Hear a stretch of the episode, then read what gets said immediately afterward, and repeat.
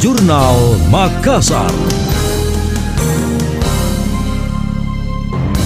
Saya Emil Faris dalam Jurnal Makassar.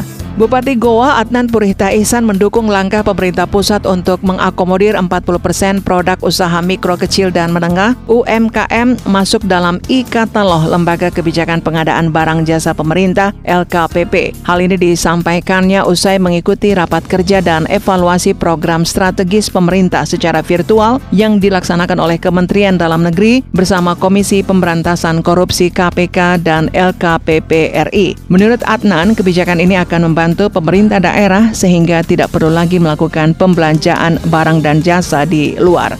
Kalau misalnya sistem yang kita buat ini semuanya sistemnya berjalan dengan baik, maka akan menutup ruang gerak tindak pidana korupsi. Maka disambunglah dengan ketua LKPP dengan membuat kebijakan barang dan jasa, belanja langsung apa dan segala macam itu nantinya semuanya akan didigitalisasi.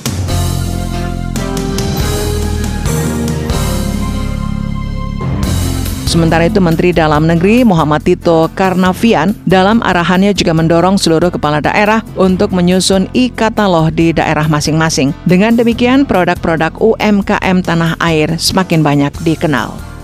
Anda masih mendengarkan Jurnal Makassar dari Radio Smart FM.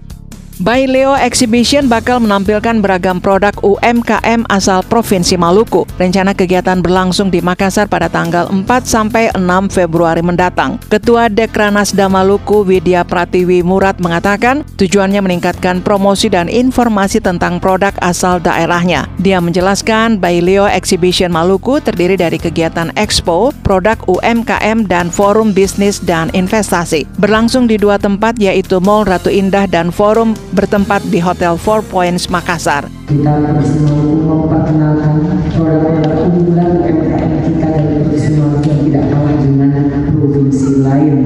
Dan mudah-mudahan dengan kegiatan event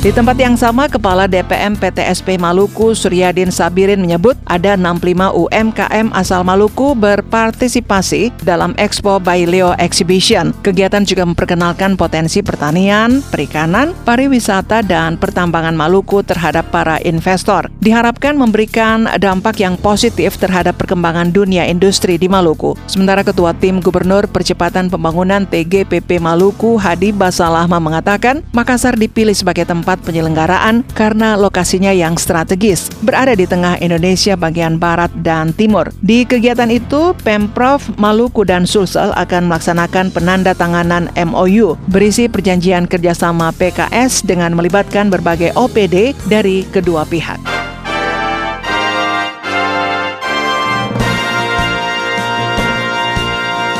Demikian tadi, Jurnal Makassar.